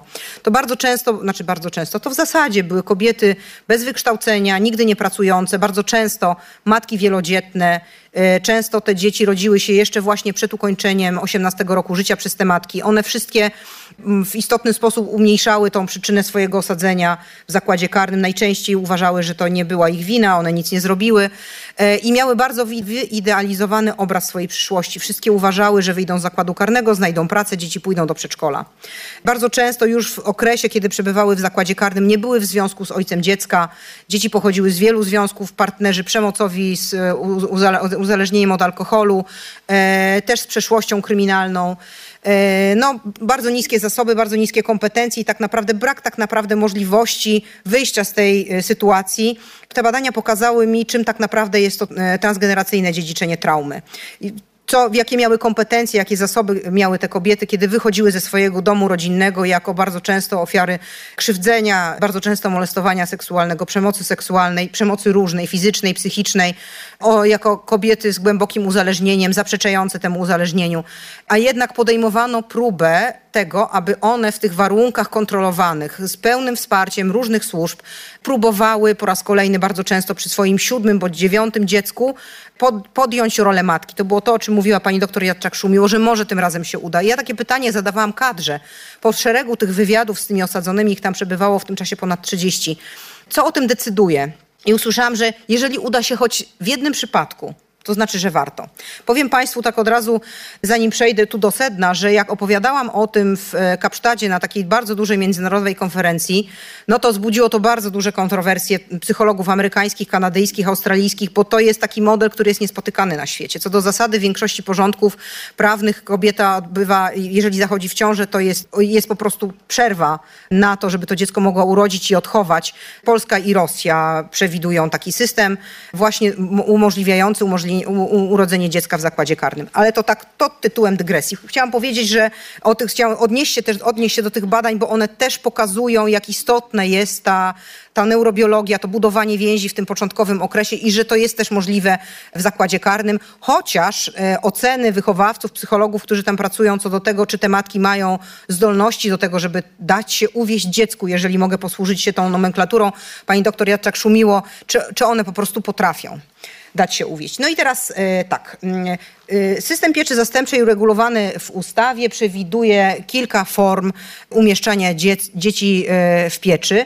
Co do zasady mamy pieczę instytucjonalną. Ona mnie dziś nie interesuje. Mnie interesują formy rodzinne. Ustawa przewiduje, że to mogą być rodziny spokrewnione, rodziny niezawodowe i rodziny zawodowe jako pogotowie opiekuńcze, rodziny specjalistyczne i rodzinne domy dziecka. I te formy rodzinne interesowały mnie i panią doktor Wiktorowicz-Sosnowską w naszych badaniach. Z rodzicami zastępczymi, którzy prowadzą właśnie rodziny w takich formach rozmawiałyśmy. I teraz tak kilka danych statystycznych, ale mówię o tym dlatego, żeby też pokazać pewien, nie jest to tylko fotografia, ale ukazanie pewnego procesu. Zwróćcie Państwo uwagę, że mimo, że w Polsce rodzi się mniej dzieci, to dzieci w pieczy nam przybywa. I to jest niepokojące zjawisko. Tak? Bo gdyby było tak, jak sobie moglibyśmy, chcielibyśmy to wyobrazić, czyli proste przełożenie, rodzi się mniej dzieci, mniej dzieci trafia do, trafia do pieczy. Jeśli jednak tych dzieci trafia więcej, to znaczy, że dzieje się coś, coś niepokojącego. O, to, się, to niepokojące może się dziać w kilku obszarach. Albo rodziny stają się bardziej niewydolne, i w związku z tym więcej dzieci trafia do pieczy, albo może służby bardziej się, bardziej ingerują e, w to, co dzieje się w rodzinach i odbierają więcej dzieci. Na to pytanie chyba w tym momencie jeszcze nie musimy odpowiadać. Ale co jest jeszcze bardziej niepokojące, zwróćcie Państwo uwagę, w 2018 roku liczba orzeczeń w zakresie pozbawienia, zawieszenia lub ograniczenia władzy rodzicielskiej wzrosła o blisko 20%, co by jednak oznaczało, że dzieje się coś niepokojącego. Badania, które realizowałam w 2007 roku jeszcze, ja wtedy badałam sędziów rodzinnych, to był to, był, e, to były moje badania do pracy doktorskiej i wtedy bardzo wyraźnie zobaczyłam, że ta sytuacja związana z orzeczeniem, to jest ten znak e, na drzewie, tak? Gdzie sędzia tak naprawdę na szali wagi ma przyszłość dziecka i decyduje o tym, co zrobić. Bardzo często ta decyzja przesądzi o losach tego dziecka. Moje e, rozmówczynie z zakładu karnego w Grudziądzu, większość z nich swoje dzieciństwo spędziło w placówkach opiekuńczo-wychowawczych albo w, w, w MOS-ach, w MOW-ach. Jedynie dwie z tych osadzonych mówiły mi, że miały szczęśliwe dzieciństwo, wychowały się w pełnych rodzinach. W większości przypadków to były traumatyczne, naprawdę traumatyczne doświadczenia i one swoimi biografiami mogłyby obdzielić kilkoro dorosłych osób. Takie, takie doświadczenia krzywdzenia spotkały te kobiety, które finalnie trafiły do zakładu karnego. I maleje liczba przysposobień, przysposobień w ogóle, ale też przysposobień zagranicznych, tak? Czyli tak naprawdę to pokazuje, że ten system jest zatkany. Dzieci przybywa w pieczy, ale one nie wracają do rodziny, zaraz też pokażę dane, które to pokazują, zostają w systemie pieczy. Nie są kierowane do przysposobienia. Tutaj mamy właśnie te zestawienie, napływ dzieci do rodzin zastępczych w poszczególnych latach. Zwróćcie Państwo uwagę, tu mamy wzrost. No i powroty do rodzin. Tych dzieci wraca diametralnie mniej. Zwróćcie Państwo uwagę, 2016 ponad 4,5 tysiąca, 2019 3700. Są takie badania, zachęcam Państwa bardzo serdecznie do zapoznania się. Też w prawie w działaniu to jest kwartalnik wydawany przez Wolters Kluwer, przez Instytut Wymiaru Sprawiedliwości. Ukazały się w 2018 roku badania pani Aliny Prusinowskiej-Marek. Alina jest kuratorem z prawie 30-letnim doświadczeniem i na zlecenie IWS-u robiła badania, bardzo dokładne badania aktowe no jeżeli ktoś jest, wierzy w statystykę, to myślę, że będą przekonujące, bo to były naprawdę badania na losowej próbie, wyważone odpowiednio przez statystyków i te badania jednoznacznie pokazały, że dziecko przeciętnie, które wraca do rodziny, czyli ta reintegracja się udaje, przebywa w pieczy, proszę Państwa, ponad 20 miesięcy. Ustawa o, o wspieraniu rodziny i systemie pieczy zastępczej mówi nam, że co do zasady ta prawna sytuacja dziecka powinna zostać uregulowana po 18 miesiącach przebywania w pieczy. Po 18 miesiącach. Dziecko, które wraca z sukcesem, to jest 21 miesięcy. Przeciętnie polskie dziecko przebywa w pieczy 45 miesięcy. I tu mogła powiedzieć dziękuję i stąd zejść ale trochę jeszcze Państwa pomęczę. To, co powiedziałam, te badania, e, o których będę mówiła, dotyczące tymczasowości pieczy, postaram się przedstawić takie główne wnioski i badania dotyczące dobra dziecka, a mianowicie w tym kontek- kontekście ekwiwalentu dobra dziecka. Tu będę się bardzo dużo odnosiła do tego, o czym mówiły Panie, właśnie w kontekście zabezpieczenia potrzeb, budowania więzi emocjonalnej, stabilizacja i bezpieczeństwa y, dzieci. Tak jak powiedziałam w tych badaniach w 2017 roku, chciałam zoperacjonalizować pojęcie dobra dziecka. To pojęcie nie jest zdefiniowane prawnie. E, ono się nie pojawia, ono się pojawia 14 razy w kodeksie rodzinnym i opiekuńczym. Wprost jest mowa o tym, że jeśli zagrożone jest dobro dziecka albo w celu zabezpieczenia dobra dziecka sąd opiekuńczy podejmuje odpowiednie działania. Nigdzie to pojęcie nie jest zdefiniowane. I to jest bardzo często zarzut podejmowany przez często strony w postępowaniach sądowych, tak? No bo sąd tu sobie skonstruował jakąś definicję albo stworzył, odwołał się do czynników decydujących o dobru dziecka, albo biegły powołał się na dobro dziecka w swojej opinii, a tak naprawdę to pojęcie jest mgliste. No i bardzo dobrze tak naprawdę, że ono jest niezdefiniowane, mówili moi rozmówcy, bo dobro dziecka zależy w każdej sytuacji, to jest to, o czym mówiła pani doktor, ono musi być zawsze dostosowane do indywidualnej sytuacji dziecka. Będzie na to wpływało mnóstwo czynników. Wiek dziecka, jego potrzeby rozwojowe, czasami jego deficyty, które muszą w specjalistyczny sposób być zabezpieczone, więc nie można stworzyć jednej definicji wspólnej dla wszystkich dzieci. To dobro dziecka jest pojęciem takim e, plastycznym. No i to, co już zdążyłam powiedzieć, że ten artykuł 47 e, ustęp 7 ustawy o wspieraniu rodziny w systemie pieczy zastępczej jest fikcyjny w Polsce. Jest tylko literalnym zapisem. E, bo nie jest prawdą, nie jest prawdą, że po 18 miesiącach w Polsce reguluje się sytuację prawną dziecka. Dzieci pozostają po prostu w tej pieczy bardzo często do pełnoletności. E, kiedy pytałam moich e, rozmówców, rodziców, zastęp, rodziców zastępczych, dla nich to, był tak, to, było, to jest bardzo też ważne, bo ja te badania robiłam w okresie lockdownu. To były trudne badania, dlatego że wyobrażycie sobie Państwo, jak ktoś ma pod opieką siedmioro, ośmioro dzieci, to trudno mu znaleźć czas na tę rozmowę. Były to wywiady online. Często w późnych godzinach, kiedy już wszystkie dzieci spały, mogłyśmy, mogliśmy rozmawiać. To były wyjątkowo długie wywiady. Mnie zwykle się wydaje, że wywiad to jest tam 45 minut. To często były wywiady trzygodzinne. Ci rodzice też mieli taką potrzebę podzielenia się tą, tymi historiami. E, ja e, w artykule w prawie w działaniu odtworzyłam taką tabelę, oczywiście na tyle zanonimizowaną, żeby nie można było odtworzyć ani miejsca, nie podawałam też płci dzieci, ale zrobiłam tam taką tabelę, która też to było dla mnie mocno traumatyczne przeżycie, gdzie zbierałam informacje o tym, co ci rodzice mi mówili, bo ja prosiłam o takie krótkie biografie dzieci, to znaczy kiedy te dzieci do nich trafiały, w jakich sytuacjach, czy to było odebranie właśnie w takiej sytuacji kryzysowej, jakie tam problemy występują. No i jak pewnie Państwo się domyślacie, bardzo często to dzieci, które były silnie straumatyzowane, większość tych dzieci, która musi być w terapii, przebywając w pieczy ze względu na różne do swoje doświadczenia życiowe. Często dzieci z deficytami, dzieci z fasem. Bardzo często, tak, no, kilkukrotnie na przykład e, podejmowane próby przywracania dziecka do rodziny. Te dzieci, przepraszam, że to użyję tego e, sformułowania, ale to jest pojęcie używane, używane przez moich rozmówców. Te dzieci przestawiane jak worki z ziemniakami, tak? Bo a nuż teraz się uda i rodzice się ogarną. Przepraszam za sformułowania, to są naprawdę cytaty z badań. No i teraz tak, bo ja pytałam tych moich rodziców zastępczych, moich rozmówców, to proszę Państwa, jak to jest, proszę powiedzieć, to może ci rodzice biologiczni, oni nie mieli wsparcia. I słyszałam, nie, tam było wszystko. Tam był asystent, tam były wszystkie możliwe służby. Ci rodzice po prostu tego wsparcia nie chcieli. Oni nie chcieli zmienić modelu swojego życia. I ostatecznie im było na rękę to, że te dzieci zostały odebrane. Najczęściej interesowali się y, powrotem dzieci w kontekście tego, że wtedy mogły wrócić świadczenia finansowe. To był tak naprawdę główny motywator. Jak pytałam moich rozmówców o to, a proszę powiedzieć mi, ile razy zdarzyło się, że dziecko szczęśliwie powróciło do rodziców biologicznych, to najczęściej następowała długa cisza. To proszę Państwa byli rodzice zastępczy często, którzy mieli na swoim, pod swoją opieką do, dotychczasowym y, życiu zawodowym około 80-100 dzieci.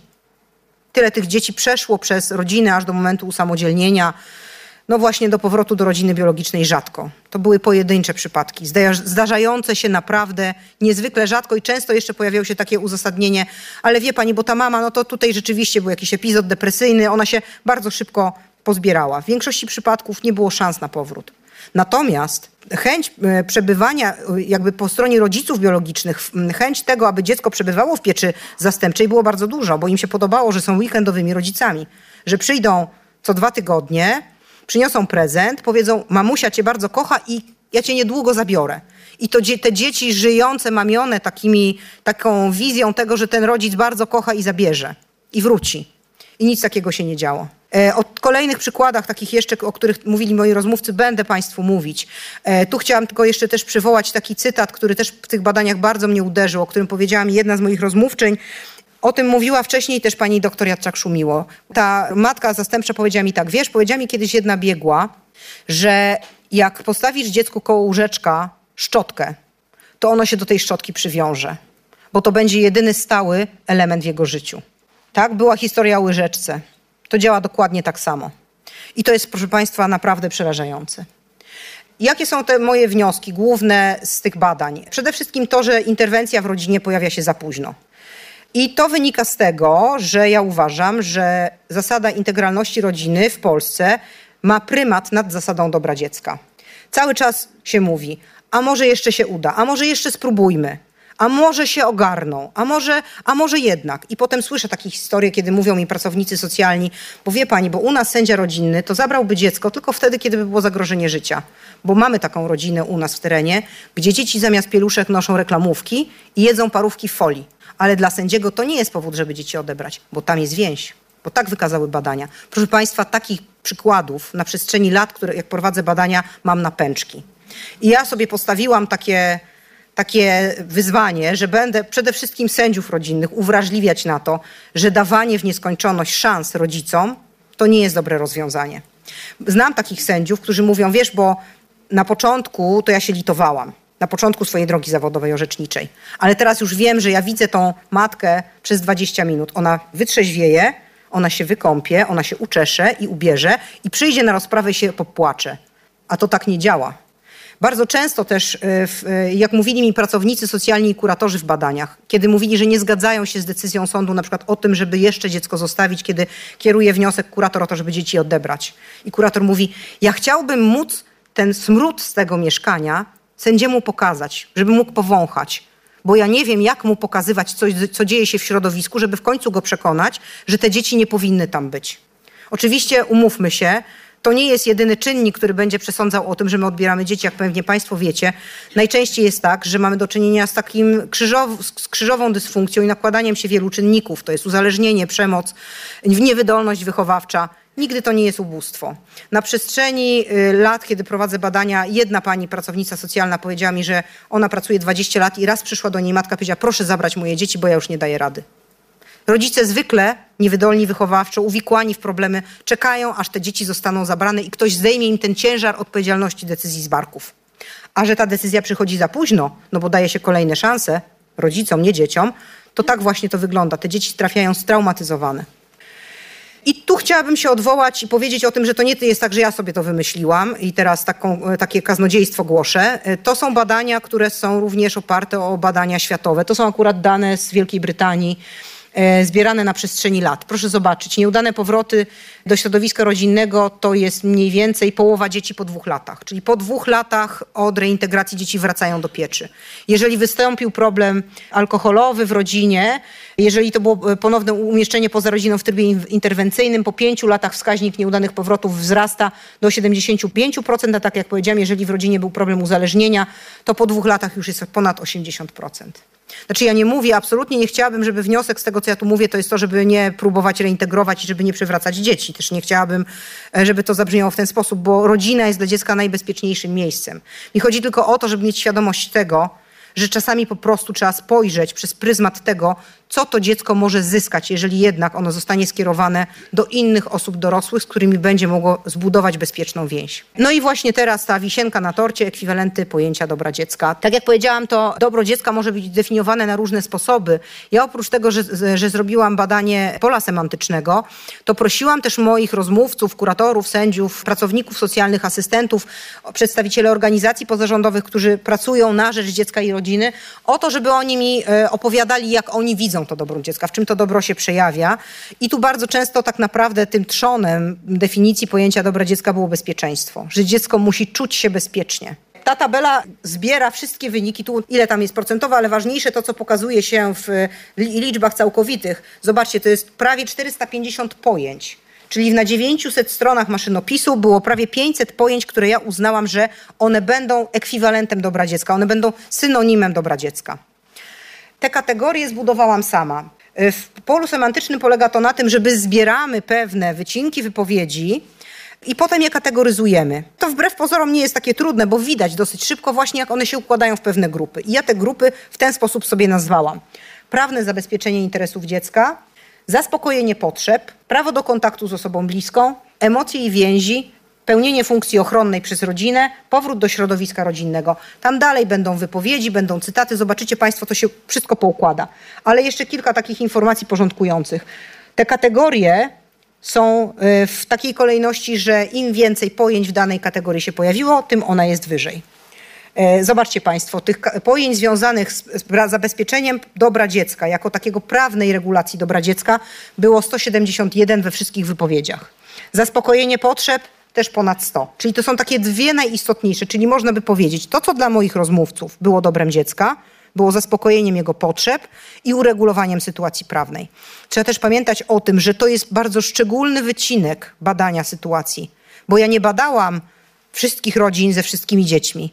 Badałam jednak, jakby pytałam o takie rodziny, które doświadczyły takiej sytuacji kryzysowej dotkniętej ryzykiem albo już odebraniem dziecka więc tej rodzinie musiało się coś dziać. Z badań Aliny Prusinowskiej-Marek wynika, że rodziny, gdzie zostały odebrane dzieci przez sąd rodzinny, w co najmniej 33% tych rodzin już wcześniej była ingerencja sądu rodzinnego, sądu opiekuńczego, czyli wcześniej się coś działo. Najczęściej był to nadzór kuratora. I to tak jest zgodnie z zasadą pomocniczości tak to działa, że jeżeli, w rodzinie, w środowisku rodzinnym coś złego się dzieje, to tam najpierw będzie wkraczała Pomoc społeczna pewnie najczęściej ze świadczeniami finansowymi, bo to, to, tak to działa najprościej. Potem będzie asystent, potem będą różne organizacje pozarządowe, potem będzie wkraczał kurator. No i jeżeli się nie uda, dziecko zostanie umieszczone poza rodziną. No pytanie na jak długo. Zobaczcie Państwo, teraz wyjaśniam, co jest na samej górze, żeby zrozumieć, jakie są różnice pomiędzy y, definiowaniem pojęcia dobra dziecka przez, przez różne grupy zawodowe, które tym dobrem dziecka się zajmują. S to sędziowie, K to kuratorzy, PS pracownicy socjalni, A asystenci rodzinny, OP przedstawiciele organizacji pozarządowych, takich, które stricte zajmują się działaniem na rzecz dziecka i rodziny. Czyli to na przykład będą y, organizacje, które wspierają rodziny adopcyjne albo rodziny zastępcze, albo na przykład prowadzą świetlicę socjoterapeutyczną, albo wspierają rodziny dysfunkcyjne, zatrudniają psychologów. Bardzo często tymi rozmówcami właśnie byli psychologowie, pedagodzy, osoby z dużymi kwalifikacjami, które na co dzień pracują z dziećmi. I te organizacje animacyjne to były przedstawiciele takich organizacji, które między innymi zajmują się działaniem na rzecz dziecka i rodziny. Niekoniecznie zatrudniają specjalistów, ale w ramach swoich działań statutowych działają na rzecz dziecka i rodziny, na przykład e, organizując e, czas wolny, e, dożywiając dzieci, pomagając dzieciom w swojej siedzibie odrabiać lekcje. To były bardzo różne działania, ale to też są takie działania, które są potrzebne, bo czasami w środowisku takie miejsce, na przykład remiza jest jedynym miejscem, gdzie to dziecko może uciec z domu, gdzie latają talerze i bezpiecznie odrobić lekcje i zjeść ciepły posiłek. Tu często rozmówcami nie byli specjaliści. To były osoby, które po prostu są zaangażowane w działanie tej organizacji i działają na rzecz seniorów, na rzecz społeczności lokalnych, między innymi dziecka. Ale to też był ważny głos, bo to był taki głos najbliżej rodziny. I zobaczcie Państwo to prawne zabezpieczenie roz, y, interesów dziecka, jak tutaj nam się rozkładają głosy. Najwięcej informacji na ten temat, jakby takich synonimów dobra dziecka pojawiło się w wypowiedziach pracowników socjalnych ale też kuratorów i sędziów. Jak badałam opozycję, czyli przeciwieństwo dobra dziecka, to z kolei u sędziów było najwięcej opozycji w tych też tej prawnych zabezpieczeniu interesów dziecka, czyli sędziowie wskazywali, że to konieczność uregulowania tej sytuacji prawnej dziecka tak naprawdę jest sprzeczne z jego dobrem w tym znaczeniu, że najlepiej by było, gdyby to dziecko jednak mogło zostać w rodzinie, ale nie jest to możliwe, bo ci rodzice po prostu są niewydolni, są uzależnieni, stosują przemoc. Zaspokajanie potrzeb. Tu zobaczcie Państwo, najwięcej wskazań, 44% w grupie sędziów rodzinnych. ale też stosunkowo dużo pracowników socjalnych. Tak? To są te osoby, które są blisko, blisko w środowisku. Tak jak kurator jest oczami sędziego w środowisku, tak często asystent jest oczami pracownika socjalnego w środowisku. Prawo do kontaktów osobą, z osobą bliską, najwięcej wskazań w wypowiedziach sędziów. To sędziowie właśnie widzą dobro dziecka poprzez możliwość tego, że to dziecko ma możliwość spotykania się, relacji z osobami ważnymi. Bardzo często o tym była mowa w kontekście tego, że dziecko potrzebuje kontaktu na przykład po rozstaniu z rodzicami, z jednym z rodziców w sytuacji rozwodu albo rozstania rodziców, albo potrzebuje kontaktów z dziadkami, albo kiedy przebywa e, w placówce, to po prostu tęskni za tymi rodzicami, a oni się nie zjawiają. Emocje i więzi po e, takie same, e, taka sama liczba wskazań u pracowników e, socjalnych i sędziów. To mnie akurat bardzo cieszy, bo odczarowuje trochę obraz sędziego jako takiej bezdusznej osoby, która tylko opiera się o prawie, a sędziowie rodzinni jednak tacy nie są. Ja przyznaję, staram się bardzo w to wierzyć i mam może szczęście, że takich samych takich sędziów znam. Pełnienie funkcji ochronnej przez rodzinę. Tu również taka sama liczba wskazań u sędziów i pracowników socjalnych, czyli funkcji ochronnej, czy znowu odnosimy się do tego poczucia bezpieczeństwa i stabilizacji dziecka. Ten powrót do środowiska rodzinnego jako synonim dobra dziecka, najwięcej takich wskazań u kuratorów i pracowników socjalnych to jest bardzo istotne, ponieważ pokazuje, że jednak tu akurat w tych badaniach okazało się, że się da, tak? że jednak się udaje. No kolejne moje badania pokazują, że jednak y, niekoniecznie. Te badania Liny Prusinowskiej i Marek też, też tutaj stawiają to pod znakiem zapytania. No jednak tutaj ci rozmówcy wskazywali, że takie sytuacje się zdarzają. No i ten powrót, jeżeli jest sukces, czyli że rzeczywiście ci rodzice od początku, w momencie, kiedy dzieci zostają odebrane, zaczynają pracować, zaczynają zbierać swoje siły, podejmują różne działania, często terapeutyczne, korekcyjne, odwykowe, no to wtedy się może udać. Ale i tak, zobaczcie, trwa to dłużej niż przewiduje ustawa. No i teraz te takie wyjaśnienia i pojęcie kategorii, które tutaj się pojawiały. Ta, e, tak jak powiedziałam, to prawne zabezpieczenie interesów dziecka, najliczniejsza kategoria wśród wszystkich ekwiwalentów i występuje, występowała w wypowiedziach wszystkich grup badanych. Ona jest istotna, ona się pojawia, no jeżeli dochodzi do odebrania dziecka, to bardzo często jest to już kryzysowa sytuacja, bo już powiedziałam wcześniej, że uważam, że dochodzi do odbierania dzieci za późno, więc w perspektywie moich rozmówców dobrze się stało, że sytuacja prawna dziecka została tymczasowo uregulowana, bo tu nie jesteśmy na wyjściu z systemu, tylko na wejściu do systemu. Ona została uregulowana przez to, że dziecko zostało odebrane ze środowiska. To zwykle chodziło o to. Wysoka frekwencja wynika ze specyfiki pracy. Tak ja w ogóle potem te moje wyniki, no bo to e, książka była socjologiczna, analizowałam w takim nurcie socjologii wiedzy, który mówi, że my myślimy w takich kategoriach językowych, jakie są najbliższe pojęciom, którymi się posługujemy na co dzień tak? Czyli właśnie sędzia będzie myślał w takich pojęciach prawnych, pracownik socjalny będzie pewnie myślał w kategoriach związanych z tym, co dzieje się w rodzinie, z zaspokajaniem emocji, więzi, budowaniem więzi, zaspokajaniem potrzeb. To będzie wynikało właśnie z takiego zasobu pojęciowego, który my mamy. Teraz y, ta, y, pracownicy socjalni i kuratorzy wskazują na pojęcia zaliczone do tych prawnych zabezpieczenia interesów dziecka bardzo często poprzez to, że oni korzystają z określonych narzędzi i w tych narzędziach muszą pewne y, zalecenia się znaleźć, pewne wnioski się za, za, znaleźć. To dotyczy wywiadu środowiskowego, który prowadzi pracownik socjalny i kurator. Te moje badania zresztą pokazały też bardzo ważną rzecz, taką dobrą praktykę i o tym chciałam Państwu opowiedzieć, bo może kogoś to zainspiruje na przyszłość do działania. Mianowicie, że e, jak pytałam o moich rozmówców o to, jakie oni mają narzędzia do tego, żeby pracować z rodzinami, nie chciałabym użyć pojęcia wpływać na rodziny, a już na pewno nie dyscyplinować, to to, że no wiadomo, sędzia ma najszerszy wachlarz. On może wszystko. Kurator również jest takim postrachem, no bo on może złożyć wniosek do sędziego o uregulowanie poprzez pozbawienie władzy rodzicielskiej. Natomiast asystenci i pracownicy socjalni uśmiechali się do mnie i mówili tak, proszę pani, a co ja mam do dyspozycji poza dobrym słowem? No nic. No bo co może asystent? Może ewentualnie zostać wyproszony nawet niegrzecznie za drzwi bo rodzina nie ma obowiązku współpracy z nim, może powiedzieć, że się nie podoba.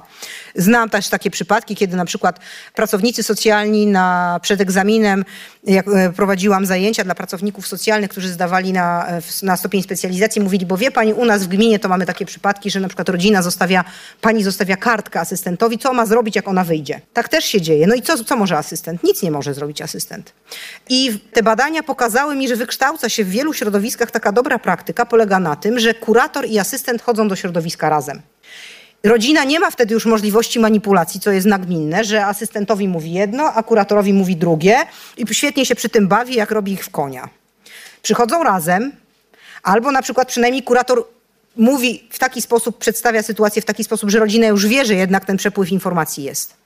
To podnosi trochę, że tak powiem, morale asystenta i jego pozycję w oczach rodziny, a kurator też wie więcej, bo jednak asystent w tym środowisku jest częściej, albo przynajmniej powinien być najczęściej. Zaspokajanie potrzeb. No kluczowe, to jest kluczowe ustalenie zaspokajania potrzeb, kluczowe dla e, pracy sędziego rodzinnego w toku postępowania. No i oczywiście, jeżeli przyjmujemy, a przyjmujemy za kodeksem rodzinnym opiekuńczym, że jednak kluczową zasadą dla sędziego jest zasada dobra dziecka, to to nie dziwi, że w tym mm, takim perspektywie myślenia sędziów rodzinnych to zaspokajanie potrzeb będzie tak istotne. Ja swego czasu pokłóciłam się z moim kolegą sędzią, zresztą z, e, z województwa lubelskiego, właśnie o to, o to, czy dobro dziecka jest zaspokajane, bo mój kolega mówi tak, no przecież przeczytaj sobie kodeks rodzinny opiekuńczy, tak jak mnie czytała. No tam jest pełno o tym, jak to jest, dobro dziecka jest chronione. Ja mówię, no świetnie, ale ja znam tysiące przykładów praktycznych pokazujących, że jednak nie jest chronione. To teraz jest pytanie, czy te przepisy są źle skonstruowane, czy jednak są źle stosowane. Tak? Bo gdzieś ten problem jest. One są dobrze skonstruowane, zawodzi po prostu praktyka. Tak sobie wyjaśniłam to, to że to pojęcie zaspokajania potrzeb w tej, w tej kategorii tak często występuje wśród pracowników socjalnych tym, że no ich rola jest najszersza, oni wiedzą najwięcej. Co prawda bardzo często przez e, rodziny traktowane są jako uszkodzone bankomaty, bo owszem wypłacają pieniądze, ale zawsze za mało. Ale pracownik e, socjalny jednak z uwagi na to, że on jednak zawiera kontrakt socjalny, on pracuje z rodziną, wie najwięcej. Ma jednak zebrane informacje, miał wywiad środowiskowy, ma też informacje przekazywane przez asystenta rodziny, wie najwięcej na temat tego, co dzieje się w rodzinie i widzi, jakie, jakie tam są deficyty, jakie potrzeby powinny być zaspokajane. No i teraz przykłady pojęć, które tutaj się pojawiały, kiedy moi rozmówcy mówili o, e, o zaspokajaniu potrzeb. Znakomita opieka nad dzieckiem, prawo dziecka do poznania biologicznych rodziców, opiekowanie się dzieckiem, pomoc w odrabianiu lek lekcji, zabawa z dziećmi, dbanie o dzieci, opiekowanie się dziećmi, dziećmi przez ojca, koncentrowanie się na dziecku przez cały czas tam powinno być. Prawo do kontaktów z osobą bliską, tak jak mówiłam, jest kluczowe, w, e, było kluczowe z takiej perspektywy sędziów rodzinnych, bo to oni orzekają o tym, że to dziecko te kontakty może mieć, powinno mieć. E, tu też pojawia się taki problem. Bardzo się cieszę, bo dzisiaj uzyskałam informację, że osoba, którą bardzo cenię, pani profesor Magdalena Błażyk, która jest psychologiem, napisze do e, kwartalnika Dziecko Krzywdzone, którym kieruje taki artykuł, który będzie pokazywał kliniczne i psychologiczne podstawy tego, gdzie jest granica pomiędzy odizolowaniem dziecka od sprawcy przemocy, a alienacją rodzicielską. Uważam, że bardzo potrzebne, dotychczas nieopisane w polskiej literaturze. Także też Państwa zachęcam. To w pierwszym numerze kwartalnika w przyszłym roku się ukaże taki artykuł. Bardzo trudne. Zobaczcie, to sędzia musi zdecydować. Tak? Jeżeli bardzo często w tych sprawach e, jest taki wątek na przykład oskarżania rodziców o stosowanie, wzajemne oskarżania rodziców o stosowanie przemocy. Ja teraz kończę badania dla e, Regionalnego Ośrodka Polityki Społecznej w Łodzi dotyczące diagnozy przeciwdziałania przemocy w województwie i tam w badaniach fokusowych e, rozmówczynie powiedziały, wie pani, nagminne teraz jest to, że rodzice sobie, ludzie, rodzice, partnerzy zakładają sobie e, niebieskie karty na krzyż, tak? Jest konflikt okołorozwodowy, co zrobić najprościej? Pójść do dzielnicowego, powiedzieć, że żona stosuje przemoc albo że mąż stosuje przemoc. E, oczywiście nie, nie chciałabym powiedzieć, że, że to narzędzie jest e, stosowane niewłaściwie, ale trzeba pamiętać o takim ryzyku, że to jest czasami narzędzie wykorzystywane w takim konflikcie okołorozwodowym. Zdarzają się nie bez, no, czasami nie bez przyczyny, ale to jest też taki mechanizm, na który sędziowie zwracają uwagę, że e, na przykład matki posądzają ojców o wykorzystywanie seksualne dzieci, jako jest to narzędzie w sprawie rozwodowej. Tak? No i oczywiście naj, najprostszym rozwiązaniem wtedy jest e, zakaz kontaktów jako zabezpieczenie. No ale ten czas stracony dla rodzica posądzonego e, w sposób nieuprawniony już jest nie do odrobienia. Także o takich rzeczach też trzeba pamiętać. Bardzo, e, bardzo łatwo jest kogoś oskarżyć, trudniej potem udowodnić, ale z drugiej strony też mamy takie przypadki, gdzie na przykład po tym, kiedy konkubent matki był prawomocnie skazany za za wykorzystywanie seksualne jej dzieci. Te dzieci mają kontakty i wracają do środowiska rodzinnego. Mm, opiekun zastępczy y, alarmuje sąd, że taka decyzja nigdy nie powinna być podjęta, ponieważ ten oprawca tych dzieci mieszka z tą matką i sąd nie robi nic pozwala na te kontakty. Tak? I takich spraw też ja znam bardzo dużo z badań, państwo pewnie z praktyki. Tutaj przykłady pojęć dotyczących tego e, kontaktu z osobą bliską. Funkcjonowanie dzieci z jednym, drugim rodzicem, kontakty ojca z synami, kontakt z drugim rodzicem, kontakt dziecka z dziadkami, zabieranie dziewczynki do siebie przez ojca, utrzymywanie kontaktów. Wiele różnych pojęć, gdzie właśnie była mowa o tym, że tak ważne dla dobra dziecka jest to, żeby ono tą bezpieczną więź z osobą bliską miało. Nie zawsze będzie to matka, bo czasami może się zdarzyć, że właśnie będzie to ciocia, może być to osoba obca, ale jest to ważne, żeby taką więź y, zbudować. Te emocje i więzi, tutaj moim zdaniem kluczowe i tu odwołuję się do tego, o czym mówiły moje przedmówczynie, tak? Ponieważ y, moi rozmówcy, zawodowi pomagacze, jak ja ich nazywam, mają wgląd w sytuację rodziny, mają wgląd w sytuację dziecka. Czasami sędziowie wysłuchują dzieci, to tak się powinno dziać e, w sprawach rodzinnych. Oni to widzą, oni to wiedzą. Mogą odwołać się również do opinii biegłych, którzy właśnie będą mówić, czy są te emocje, czy są te więzi. No, trzeba pamiętać, że sędzia jest najwyższym biegłym i on może nie zgodzić się z opinią biegłych. Powinien ją brać pod uwagę. Przykłady pojęć. Lęk matki o syna, miłość do dziadka, miłość do ojca, przytulanie, silne więzi, potrzeby emocjonalne, ogromna potrzeba bliskości z matką, miłość do dzieci, szacunek do dzieci. Prawda, że się tak ciepło robi, jak się to czyta na głos? Tak to na nas działa. To jest właśnie nam potrzebne. Tak? Taka, takie poczucie bezpieczeństwa w tym, że mamy stabilne, stabilne więzi, bezpieczne więzi, że te emocje odczuwamy. I to, co bardzo było dla mnie znamienne, to to, co się pojawiło w tych badaniach dotyczących dobra dziecka i potem również w tych badaniach dotyczących tymczasowości. Kiedy ja pytałam moich respondentów o to dobro dziecka, albo gdzieś tam oni o tym dobru dziecka mówili w sposób nie wprost, to na przykład mówili o tym, podkreślali to, że rodzice nie są uzależnieni, albo że y, y, w, w rodzinie nie występuje prze, prze, problem przemocy. I jak potem rozmawiałam z rodzicami zastępczymi, najczęściej z mamami zastępczymi, to one mówiły tak, ale bo wie pani, bo te, te dzieci, jak do mnie trafiły, ta, to ta mama nie jest uzależniona. Dlaczego o tym tak mówili? Bo niestety najczęściej takie problemy w tych rodzinach biologicznych występują. Uzależnienie, przemoc, yy, niezaradność opiekuńcza, wychowawcza. Rozmówcy podkreślali to, że to jest coś wyjątkowego, że dziecko trafia do pieczy, a tam nie ma problemu alkoholowego, albo tam nie ma przemocy. Brak alkoholu, brak narkotyków, brak przemocy psychicznej, brak molestowania brak krzyków.